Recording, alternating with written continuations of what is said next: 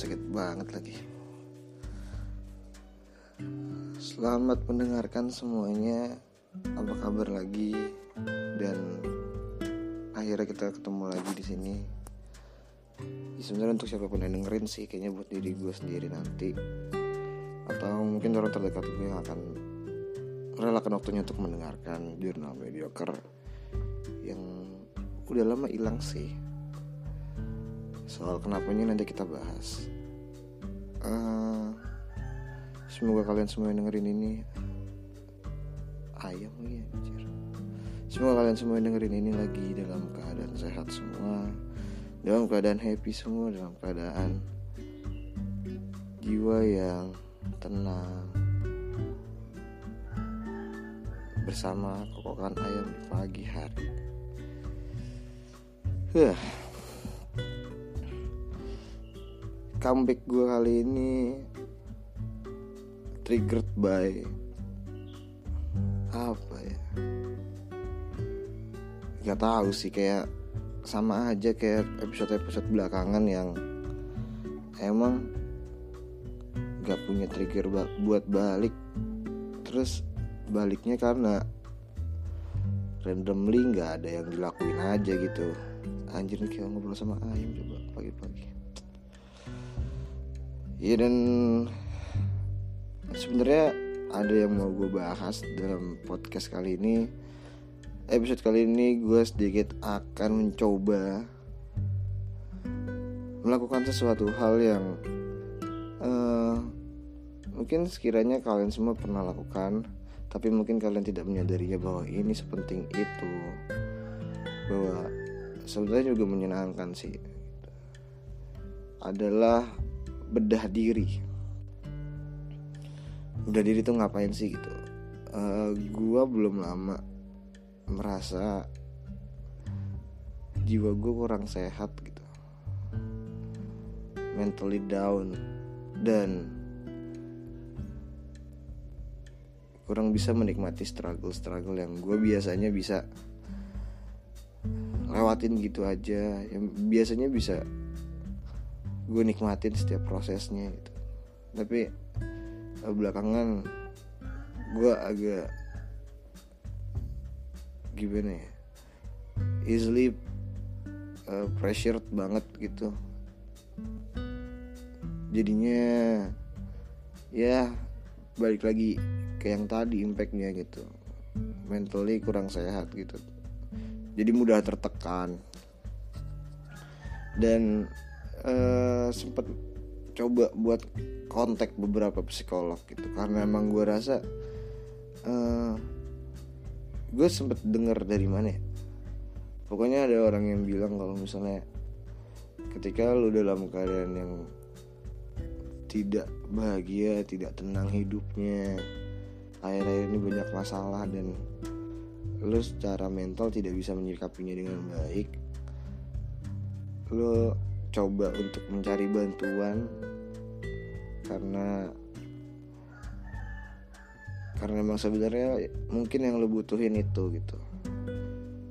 Berawal dari minta bantuan seorang teman baik dari minta bantuan orang terdekat sampai minta bantuan pada ahlinya gitu kan. Dan kenapa gue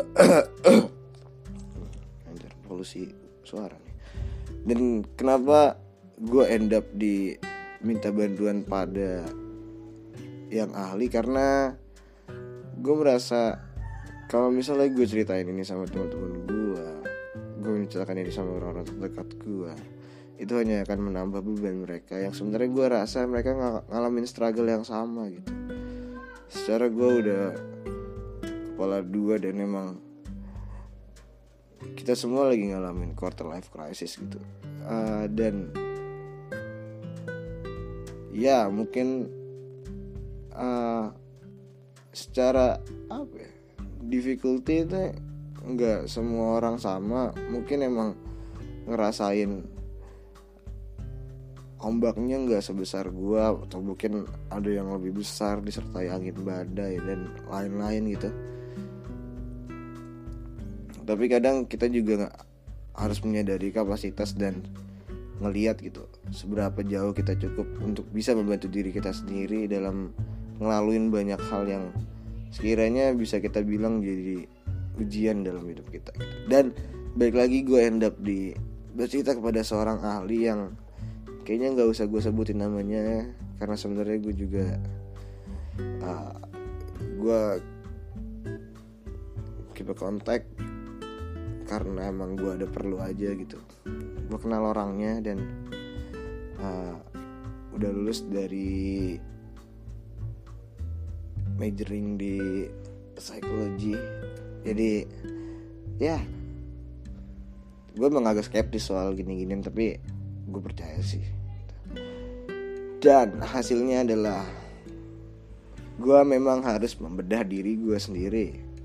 Sebelum pada akhirnya gue mempersiapkan diri gue untuk melanjutkan setiap upaya-upaya gue untuk melewati struggle-struggle yang pasti bakal gue temuin di hidup gue pasti bakal.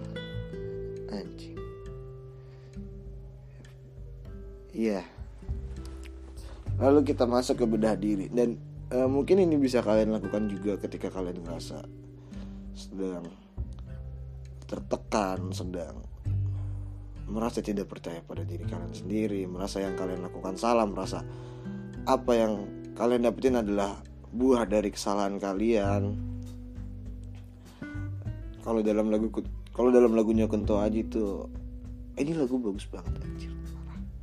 Sealbum album keren dan uh, soal liriknya yang dibilang bisa ngebantu terapi mental gue sangat setuju. Terutama yang rehat tuh aduh bagus banget anjir. Uh, ya yeah, semua ini bukan salahmu bener. Benar benar bukan salah lo semua gitu. Bukan salah gue juga gitu gue sampai bisa kayak gini. That's why gue minta bantuan sama psikologis dan coba kita mulai mudah diri gue dulu ya. Mungkin bisa kalian tiru formatnya membelah eh membelah anjing. Membedah diri. Akhir-akhir ini gue merasa mudah tertekan karena uh, sekali lagi kayak biasa gitu uh, gue gue ngerasa diri gue kurang mampu mengikuti uh, society standard gitu. gue mengalami fase di mana gue ngelihat kalau misalnya standar di setiap lingkungan itu beda-beda uh, sometimes lo harus jadi orang yang seperti ini sometimes lo harus jadi orang yang seperti ini. Di sini lo harus baik di sini lo harus cuek. Di sana lo harus peduli dengan teman-teman di sekitar lo tapi di sini lo nggak lo harus acuh gitu terhadap orang-orang di sekitar lo dan uh, society itu sebenarnya menuntut lo untuk lebih fleksibel dalam menerima standar yang ada. Karena emang setiap lingkungan di mana lu berasal di mana lu berdiri lu harus bisa beradaptasi terhadap lingkungannya dan dan emang lu harus bisa ngeliat diri lu sendiri bisa tahu lu harus memposisikan diri lu situ sebagai apa gitu. Dan itu yang gue alamin gitu. Struggle-nya emang cukup berat. Kayak uh, eh, gue punya gue punya tiga tiga empat. Gue punya empat spare gitu. Gue punya empat uh, ruang tempat gue hidup. Dan memang gue ngerasain di empatnya itu ada yang bertolak belakang ada yang mirip-mirip tapi impactnya beda juga gitu. salah satunya adalah di keluarga gue di pertemanan gue di lingkungan perkuliahan. Terus di pekerjaan gue dan satu lagi di apa ya di, uh, di sfer percintaan gue sih gitu. Nggak cringe kok sumpah. Jangan jangan dikit-dikit ngerasa lu ngomongin percintaan untuk cringe. Itu tuh sebenarnya lu jadi korban aja. Korban dari bukan korban lu tuh adalah produk dari kegagalan sebuah hubungan percintaan yang berakhir tidak mulus-mulus amat. Jangan ngerasa setiap percintaan yang diomongin sama orang itu adalah cringe gitu. Pada akhirnya lu harus menerima kalau misalnya emang lu harus bisa ngomongin ini gitu sama orang-orang. Seberapa menjijikannya history lu gitu. You gotta just put your history behind you. Nggak apa-apa udah relain aja gitu. Dan terima aja lu pernah melakukan sebuah hal bodoh pernah melakukan kesalahan atas uh, apa yang lakukan pada proses ketika lu mencintai seseorang dan seseorang mencintai lu dan baik lagi ke empat sfer yang tadi gue sangat mudah tertekan karena ada dua sfer yang sangat bertolak belakang menuntut gue untuk jadi uh, faktor yang seperti A, faktor yang seperti B gitu. Dan gue yakin kalian juga pasti nemuin itu gitu. Uh, gue kita coba ambil contoh. Di rumah gue harus jadi orang yang uh, cukup agamis dan bisa menjunjung tinggi nilai-nilai budaya etnisitas gue berasal gitu. Ya gue kan orang Betawi banget nih. Terus ya emang banyak nilai-nilai budaya yang emang kayaknya uh, gue sendiri ngerasa it doesn't uh, fit well with me gitu. Nggak bisa guanya. Karena mungkin emang gue hidup di lingkungan yang sekarang udah plural banget dan gue belajar sosiologi. Jadi gue nggak bisa gitu memaksakan diri gue untuk uh, tetap mempertahankan nilai-nilai yang menurut gue nggak cocok buat gue dan gue nggak bisa nyalain nilai-nilai yang ada juga gitu di keluarga gue gue dipaksa dan memang harus karena memang gak dia keluarga gue nggak punya standar lain gitu. Gue ada di keluarga yang cukup tertutup. Keluarga simbiotik yang merasakan kalau misalnya di antara satu anggota keluarga dan anggota keluarga lain itu cukup mempunyai ikatan yang kuat dan memiliki rasa ketergantungan yang tinggi. Tapi gue nggak gitu. Gue tuh sejak lulus SMA ngerasa kalau misalnya kemandirian itu perlu gue dapetin gitu. Kemandirian itu adalah hal yang harus gue pelajari sejak gue lulus SMA dan gue coba belajar itu tapi nggak semua tapi di keluarga gue ini tuh nggak bisa deal with it gitu loh. Gue gue yang mau mandiri tapi mereka ngerasa kurang dihargai sebagai anggota keluarga. Di sini kan banyak poin positif yang bisa diambil tapi karena gue tidak bisa mengikuti nilai-nilai yang udah ditanamkan sejak dulu nilai-nilai budaya yang udah ada. Jadinya mereka ngerasa tetap gue salah gitu. Gue terlalu progresif gue terlalu apalah. Gue nggak gue nggak religius dianggapnya gitu. Di situ kan gue ngerasa kalau misalnya re, re, uh, nilai sebuah value religiusitas seseorang adalah tentang bagaimana hubungan dia bersama Tuhannya dia toh itu aja gitu. Dan gue ngerasa kalau misalnya dicampuri urusan keagamaan gue yang harusnya uh, yang relasinya harusnya gue dengan Tuhan gue aja dan diintervensi oleh banyak pihak termasuk orang tua gue sendiri gitu. Gue ngerasa cukup terganggu karena gue rasa ini udah waktunya gue untuk mencari tahu mana yang benar mana yang salah gitu. Tok gue pun gak jauh dari nilai-nilai yang ditanamin dari dulu sama nyokap bokap gue gitu. Gue masih menjunjung tinggi apa yang mereka ajarin apa yang mereka tekankan dari dulu pada gue di situ satu keluarga gue nggak bisa memberikan nilai-nilai tidak bisa merelakan gue mempelajari sebuah hal baru atas nilai-nilai kehidupan. Dan memaksakan kehendak mereka untuk gue tetap pada jalur yang mereka tentukan gitu. Dan gue nggak bisa. Itu membuat gue sangat tertekan. Dan itu salah satu faktor kenapa gue pergi ke psikolog. Dan yang kedua ah pas dulu ya bentar ya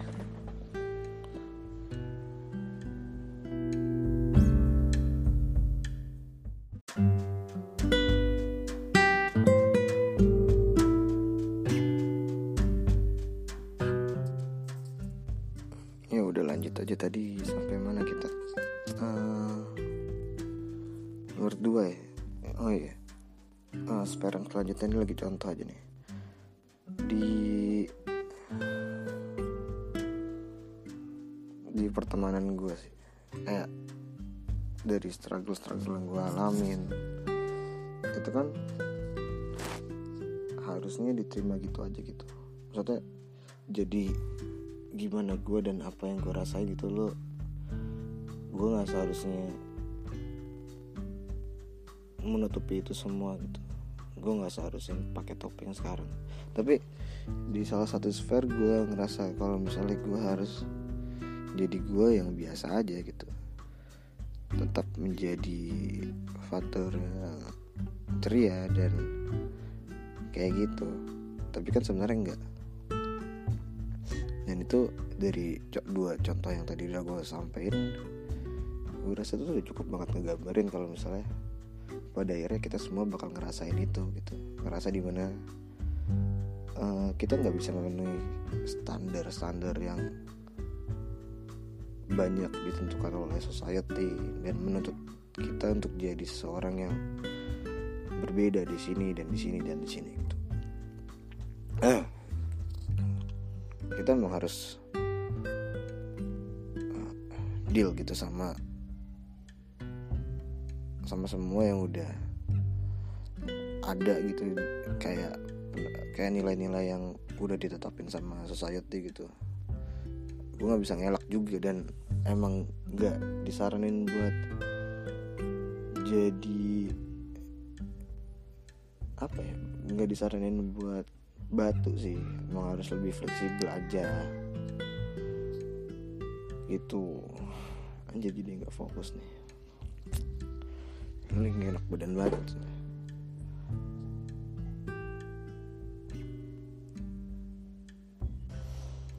Eh dan sekarang gue lagi ada di teras rumah dengan banyak backsound yang mungkin akan mengganggu telinga kalian terus oke. Okay. lanjut tadi gitu.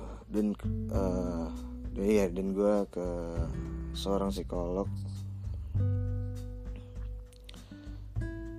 Dia bilang gue coba untuk membedah diri gue dulu. Karena pada umur umur segini kalau mungkin kalau dulu populernya sama uh, sama kalimat-kalimat apa ya dulu dipakainya apa sih kayak oh ya mencari jati diri gitu. Kalau sekarang apa ya? Kalau sekarang tuh lagi sering dipakainya proses mencintai diri sendiri gitu. Ya pokoknya beda gitu. Ya pokoknya pada umur sekarang emang gue udah harus coba membedah diri gue gitu. Berawal dari satu yang tadi mudah tertekan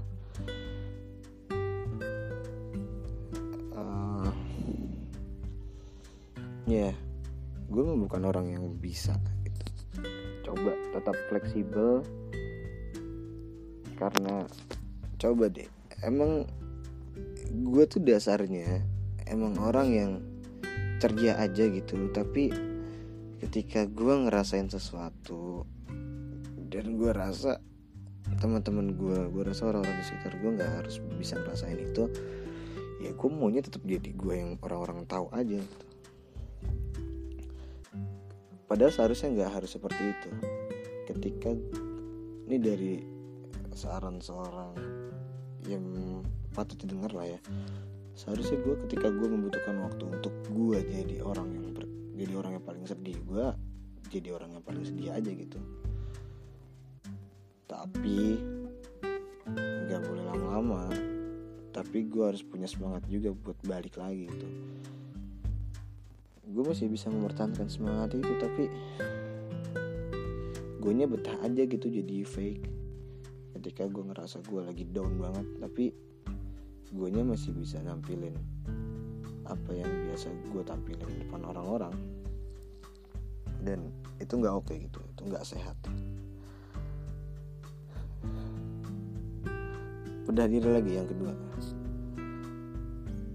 Menemukan diri gue jadi seseorang yang aneh bukan berdasarkan penilaian sendiri aja tapi berdasarkan banyak penilaian orang.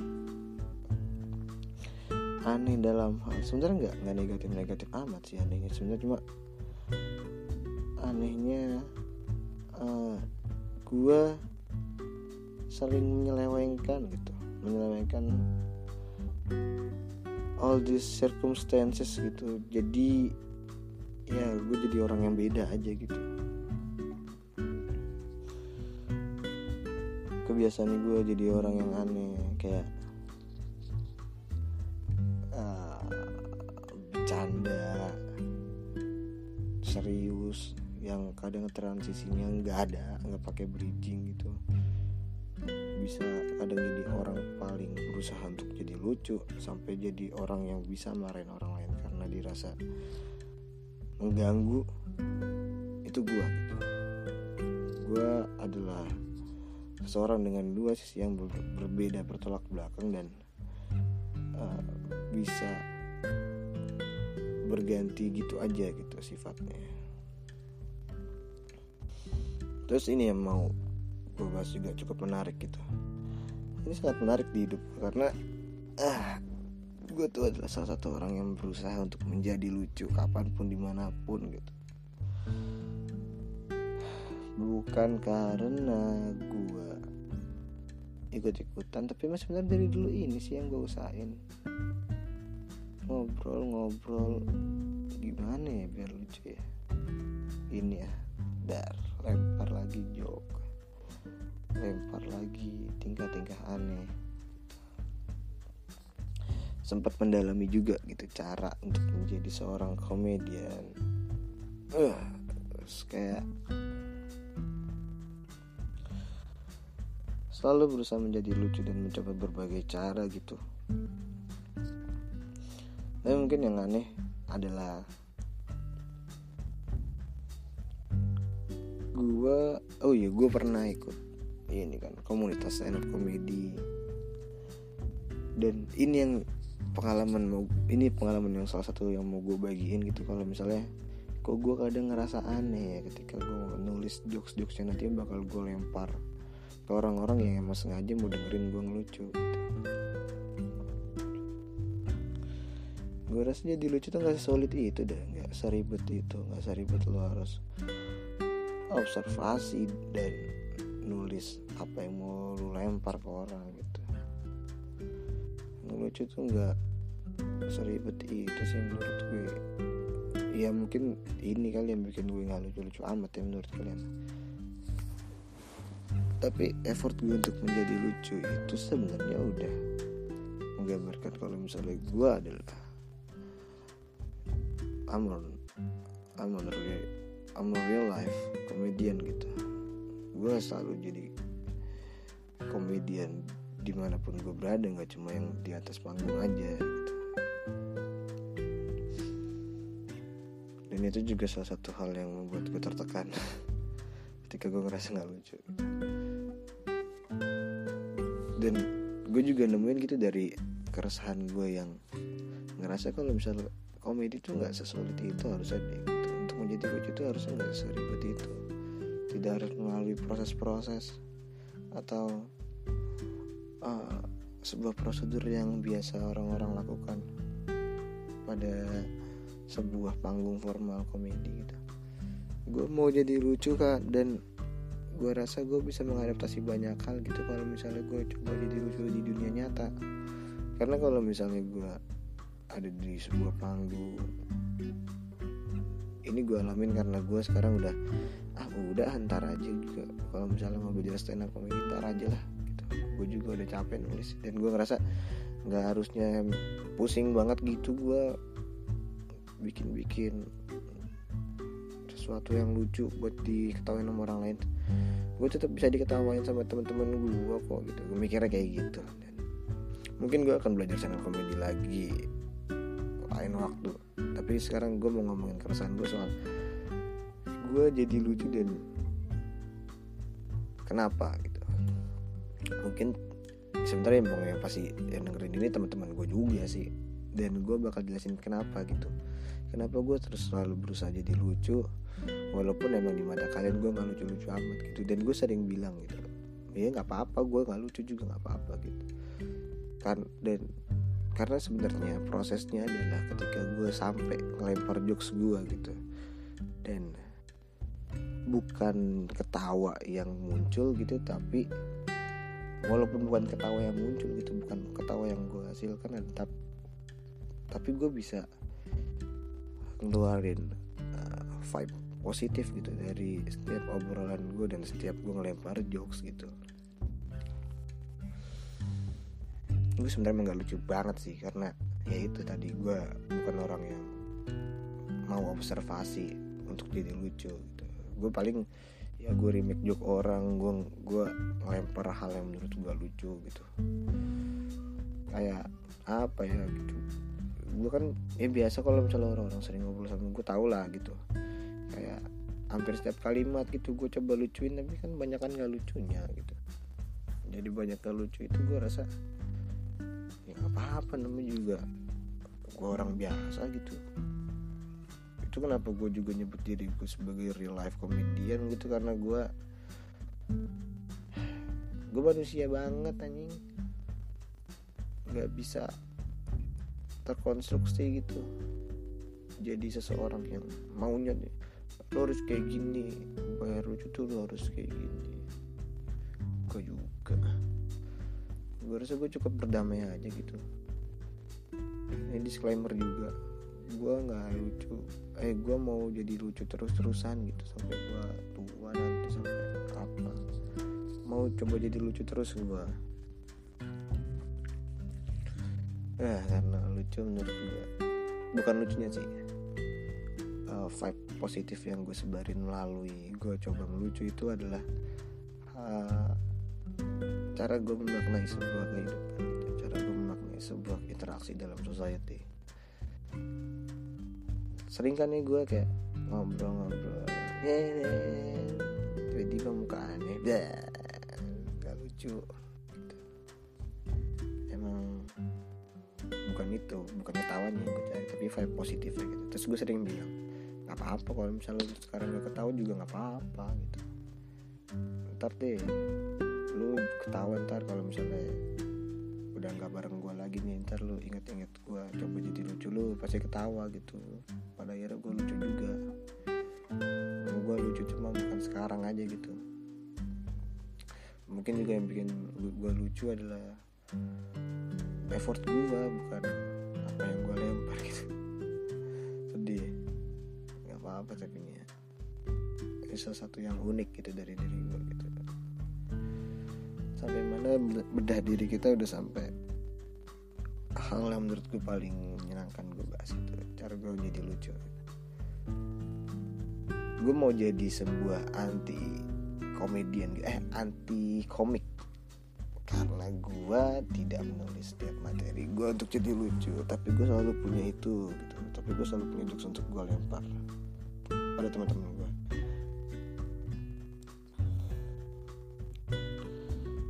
ya. Dan uh, mungkin gak usah banyak-banyak ya. Mungkin segitu aja coba bedah dirinya. Dan satu hal yang emang gue sering denger dan kemarin disampaikan juga sama seorang psikolog yang gue kontak emang sebenarnya berakhirnya pada proses di mana kita tuh harus berdamai dengan kita tuh orang yang seperti apa kita tuh emang orang yang buruk dalam hal ini tapi baik dalam hal ini gitu. Itu yang dibilang berdamai itu itu gitu. Menerima gitu. Lu orang yang seperti apa dan coba lihat lagi. Ini ini manfaat beda diri ya gitu. Lu ngelihat lu salahnya di mana gitu. Lu lihat sebuah keburukan mana yang bisa lu ubah mana yang bisa lu minimalisir mana yang bisa lu tutupi dari orang-orang gitu. Dan kebaikan mana yang harusnya emang lu selalu sebarkan kebaikan mana yang emang harusnya lu pergunakan untuk diri lu sendiri kebaikan mana yang lu harus simpen buat nanti lu sampaikan ke orang lagi gitu. Itu gitu proses uh, coba berdamai gitu. Yang pertama adalah bedah diri yang tadi gue udah lakuin secara singkat gitu. Sebenarnya bedah dirinya tuh kalau misalnya uh, gue jabarkan setiap poin-poin yang gue tulis dalam proses bedah diri gue nih gak akan habis gitu. Dua episode juga gak akan habis pokoknya aduh. Jangan lupa konten sama kesehatan mental kalian karena ya kalau mau sehat secara fisik dan mental juga harus sehat dulu gitu. Kalau mental udah sehat lu punya sebuah energi positif. Lu bisa ngelihat banyak vibes dan semangat untuk jadi orang yang lebih sehat lagi gitu. Semua kan berawal dari motivasi.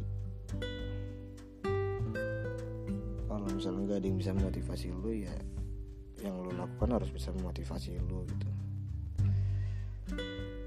Tidak penting tapi penting ya episode kali ini dan terima kasih untuk kalian semua yang udah mau mendengarkan. Jono Mediocre gue akan baik lagi nanti